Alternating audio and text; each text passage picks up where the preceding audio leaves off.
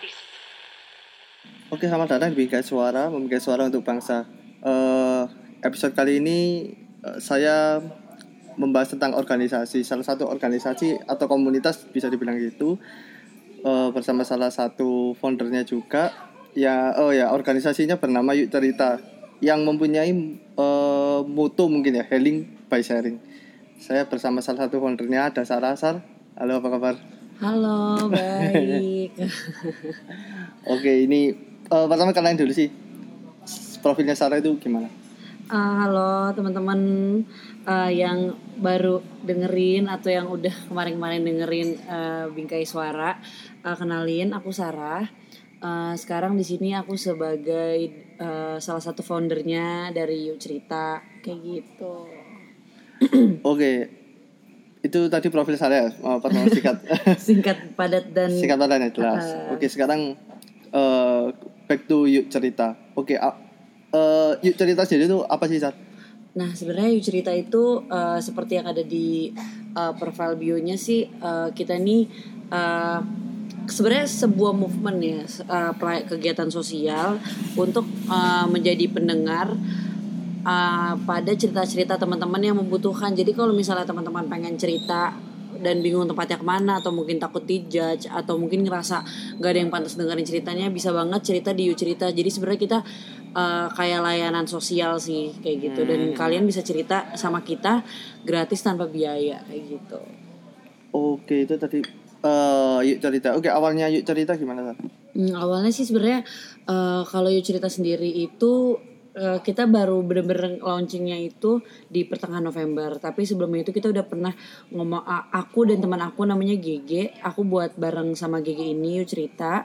Itu kita di awal eh, di awal-awal Oktober lah ya sekitar akhir or, eh, awal ke tengah Oktober itu kenapa aku buat You cerita? Karena aku pernah ngerasa di mana eh, punya sebuah masalah dan bingung mau cerita ke mana kayak gitu. Dan aku ngerasa kayaknya eh, platform sejenis ini tuh kayak dibutuhin banget.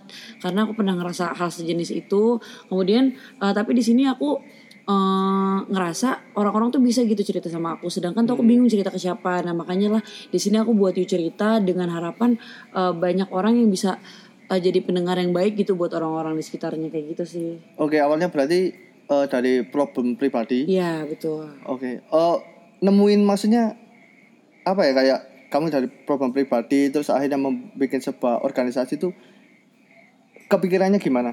kepikirannya sih eh, itu sih karena gini ya karena si GG ini anak psikologi terus habis itu ketemu sama GG anaknya GG itu perempuan teman-teman terus habis itu eh, anaknya klop asik ya udah deh kayaknya bikin deh nih cerita karena kebetulan waktu ketika aku punya masalah itu aku sempat cari platform sejenis ini tapi nggak ada di Malang jadi ha, sebenarnya apa yang aku lakukan ini tuh udah banyak dilakuin uh, di Jakarta, Bandung dan kota-kota besar lainnya. Cuman untuk di Malang sendiri itu belum ada dan mereka yang aku temuin itu semuanya online basisnya. Jadi ceritanya tuh via chat. Sedangkan aku pengennya cerit kalau aku mau cerita aku pengen cerita secara langsung. Nah, maka dari itulah aku bikin You cerita yang bisa orang cerita secara langsung, bukan di chat, bukan di telepon. Tapi pun kita juga uh, bisa kalau misalnya teman-teman mau cerita via chat atau telepon pun bisa karena kita juga ada klien dari luar kota kayak gitu. Oke, ini berarti yuk cerita timnya ada berapa orang? Kalau untuk saat ini itu total tim kita tuh 6. Oh, oke. Mm-mm. Ada ada enam anggota termasuk Sarah. Heeh, termasuk aku. Oke. Kan- eh, jadi eh, pendengarnya itu ada empat. Eh pendengarnya itu ada empat. Eh tujuh ding. Pendengarnya ada empat. Kita s- yang ngurusin desain konten Instagram ada satu. Terus foundernya dua. Oke, ber oke berarti enam ini sudah termasuk beberapa divisi ya? Hmm, eh tujuh tujuh tujuh Tujuh, ah, tujuh. Iya. Oke, tujuh ini sudah masuk beberapa divisi ada yang desain, ada yang mungkin di bagian bla bla bla. Oke. Eh untuk anggotanya sendiri cara registrasinya gimana?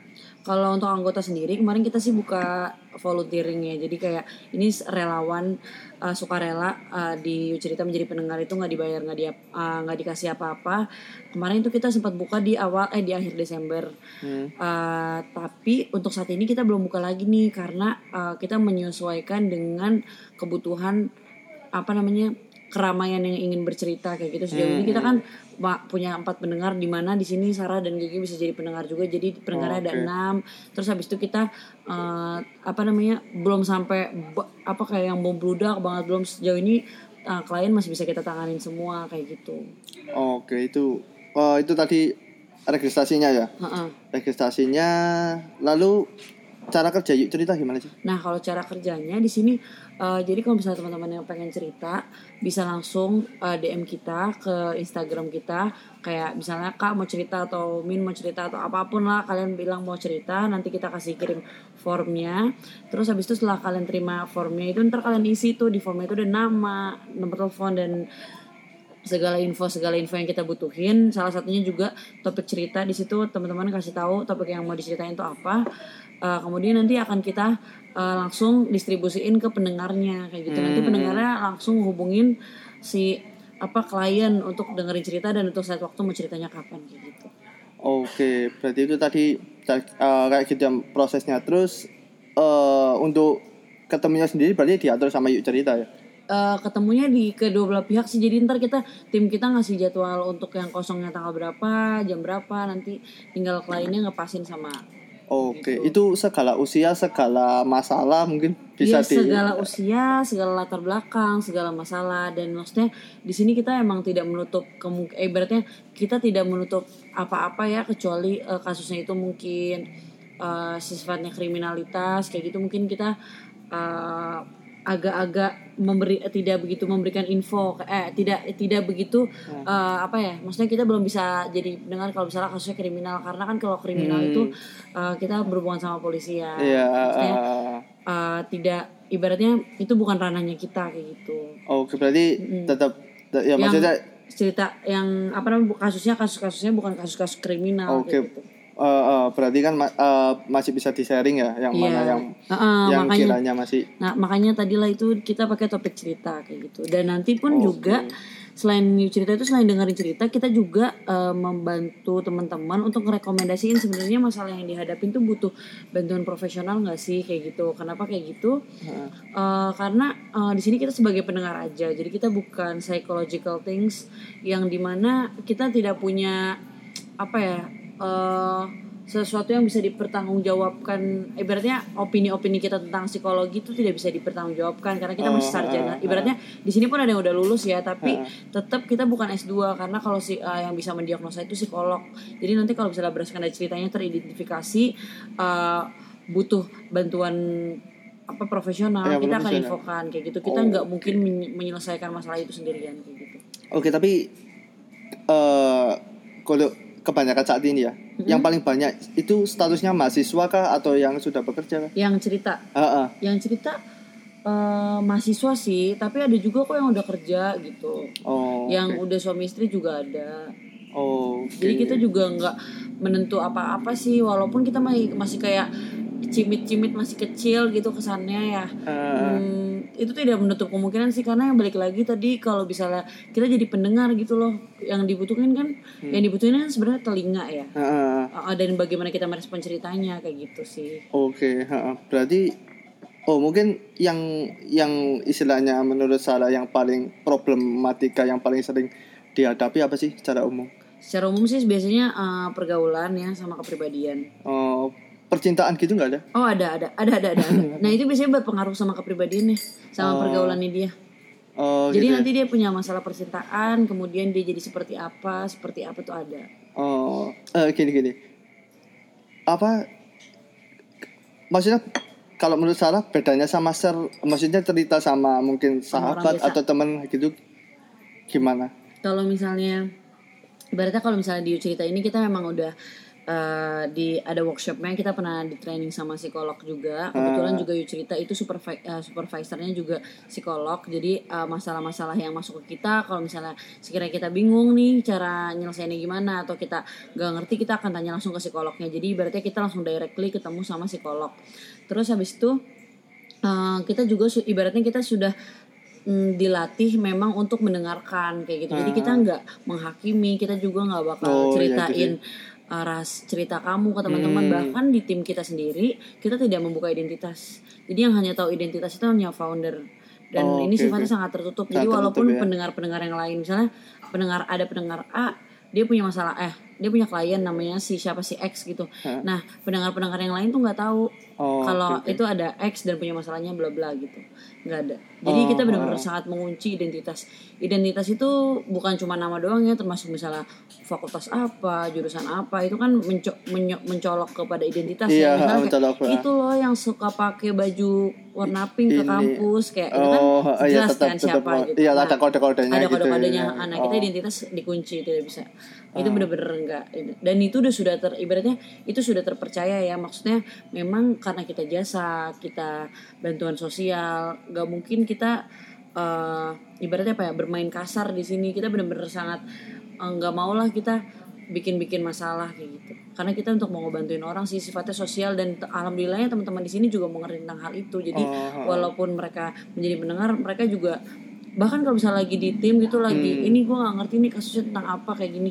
Ya kita benar-benar nggak pernah nanya itu siapa sih orangnya? kayak gitu nggak pernah. Oh, Oke, Ha, soalnya kan mungkin kalau menurutku sih kayak ke, kalau ke teman ke sahabat kan bisa aja sih ada godaan-godaan untuk Mm-mm. Ah, ah, nah, maksudnya kalau di di belakang kan bisa gini, Mm-mm. nanti bisa ya maksudnya kan istilahnya kalau orang sih rasan-rasan gitu ya. Heeh. Sebagai bahan itu kan juga bisa. Mungkin kalau ini yuk cerita eh, salah satu opsi sih ya. Bahwa iya, bahwa nggak ada judgement juga, nggak bakal bocor juga. Mungkin kalau mungkin lebih pribadi ya. Oh. dan di sini kalau misalnya diceritain di cerita ya dengan konteks ya kan bisa mem- eh, kalian ntar tuh ada bisa milih ada additional request kayak kalian mau yang kenal atau yang gak kenal atau pendengarnya mau perempuan atau mau laki-laki gitu bisa bisa bilang Hmm, hmm. Nah, eh, itu eh, kalian bebas ibaratnya dengan orang yang gak kenal kalian tuh bebas menjadi diri kalian sendiri.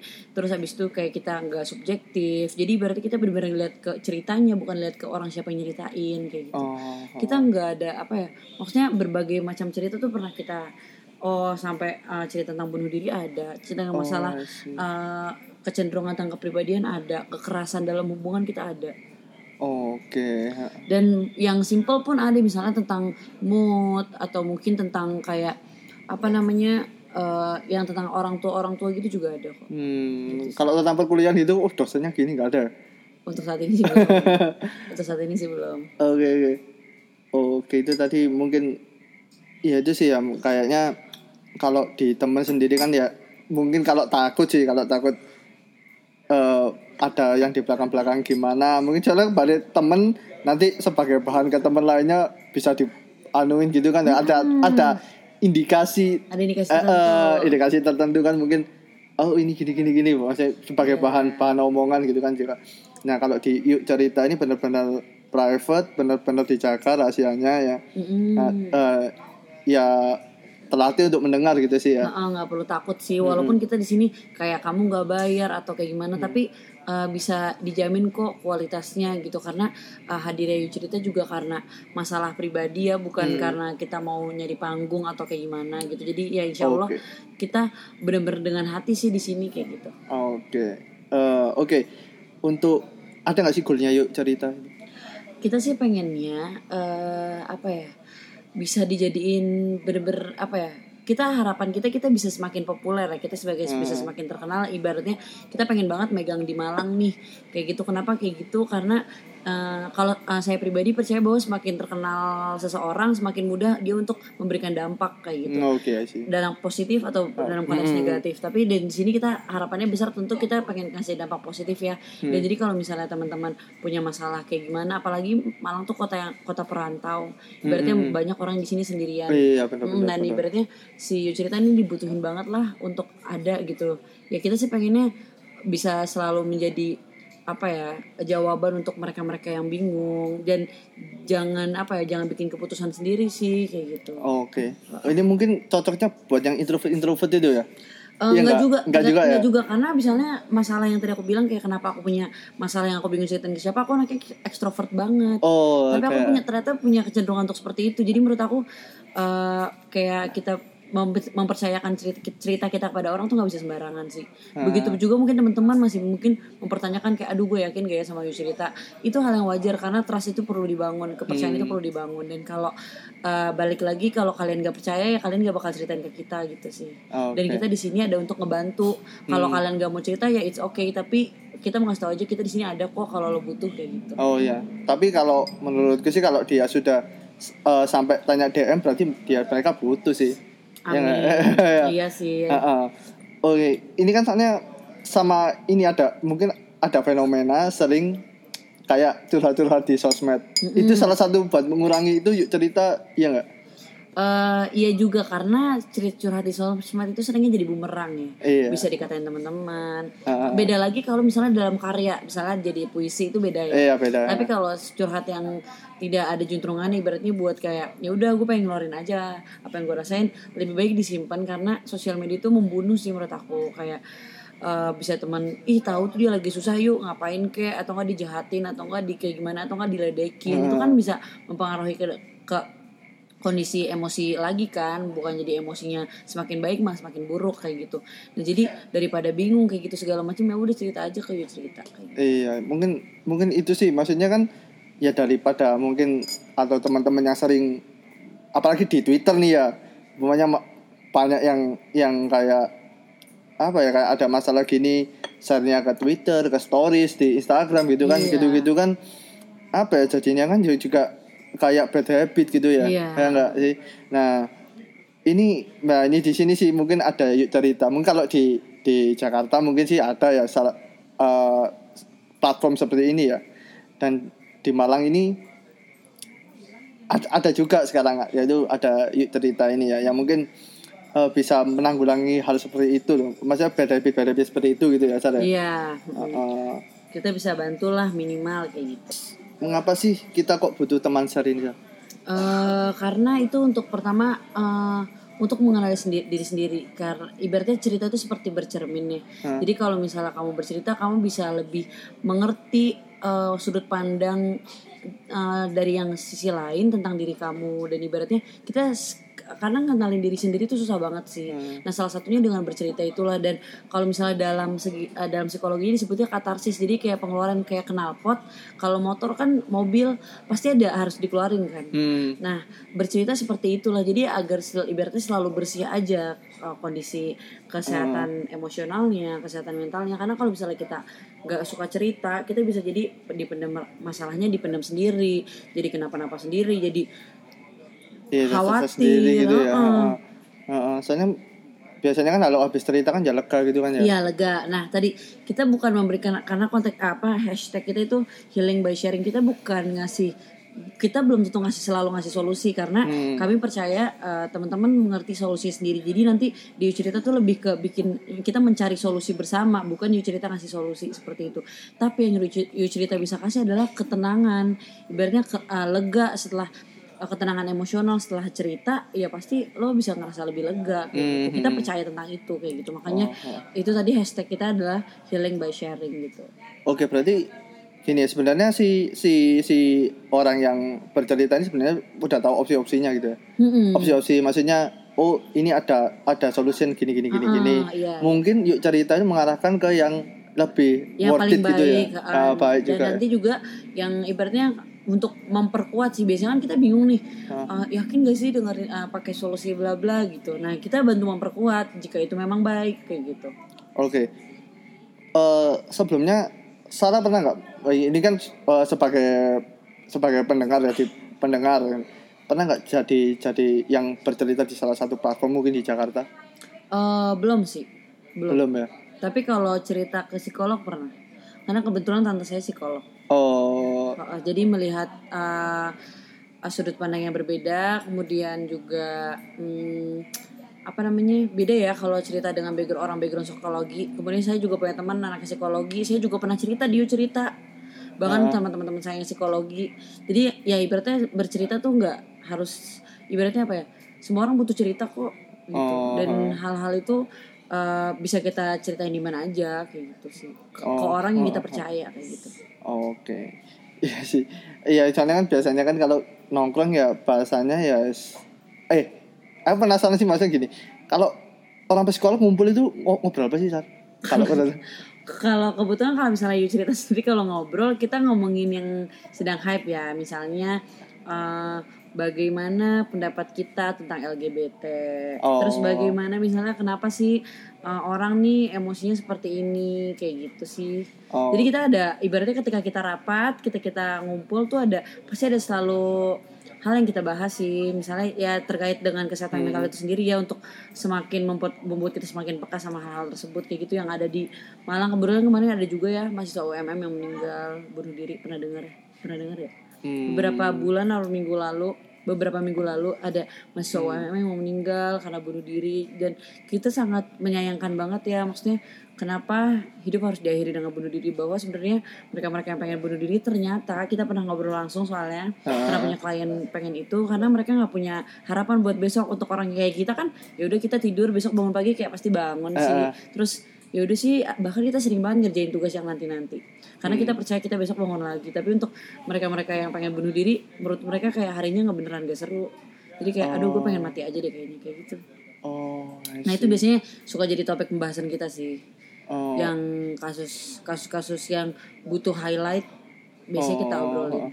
Oke, berarti yang kasus UMM ini detailnya berarti karena dia kalau detailnya aku kurang paham ya karena Iya, yang mungkin, di cerita yang di sosial media itu kan ibaratnya aku nggak mau blow up juga cerita di sini karena menurut aku uh, sosial media itu ter uh, nggak apa ya Iya. dilihatinnya tuh kayak ke arah arahnya nggak Iya, jelas kan jelas ya. cuman memang dia pengen bunuh eh, dia meninggal jadi dia ngepost dulu di twitter kata dia mau bunuh diri itu ya udah dia mati Oh, berarti tanpa alasan gitu ya? Kayaknya Eh, nggak- nggak- alasannya nggak- kurang tahu nggak- sih aku nggak- juga aku nggak berani blow up juga Iya, oke, I see. kayak gitu Oke, ada pesan-pesan yang mau disampaikan? Masih ada yang cerita? Eh, pesan-pesan ya, sebenarnya yang pertama eh, belajar apa namanya untuk mengenali sendiri sendiri kita butuh eh, apa ya butuh medium dan New cerita bisa jadi eh, cara kali cara medium untuk kalian untuk mengenali diri kalian lebih sendi- eh, sendiri untuk bercerita dan kalau punya masalah atau problem apa pun jangan dipendam aja sih diceritain aja karena eh, masalah itu bisa jadi hadirnya ada di diri kita sendiri ternyata bukan di orang-orang sekitar kita kayak gitu sih Oh, Oke, oke. Oke, eh, yuk cerita juga pernah ngadain workshop juga ya? Mm. Eh, di Ngalup juga eh, sama beberapa beberapa mungkin yang instansi yang hampir sama kayak Heeh. kayak yuk cerita juga terus ada mungkin Instagram dan sosial media lainnya bisa dipantengin di Eh, kita bisa ikutin aja di @yuk.cerita di Instagram.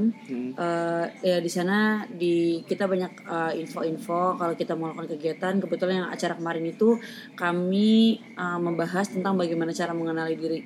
Begitu jadi dunia Who Am I dan di situ kemarin speaker-speakernya juga eh, menarik ya ada dari menjadi manusia, ada dari sama sesama, kemudian ada dari, dari psikolog dan harapannya mungkin kita bisa membuat acara sejenis lagi karena ternyata animonya besar sekali di pasaran di Ma- Malang sehingga eh, sepertinya edukasi tentang kesehatan mental sangat dibutuhkan dan insya Allah bisa kita buat lagi acara sejenis kayak gitu. Oke, oke. Oke, hmm, itu tadi yang ngobrol-ngobrol seru eh, dengan salah satu founder cerita. Eh, mungkin sekian dulu podcast kali ini. Teman-teman nanti bisa saksikan podcast lainnya di tetap di Bingkai Suara. Oke, saya Ria Surati, pamit. Thank you.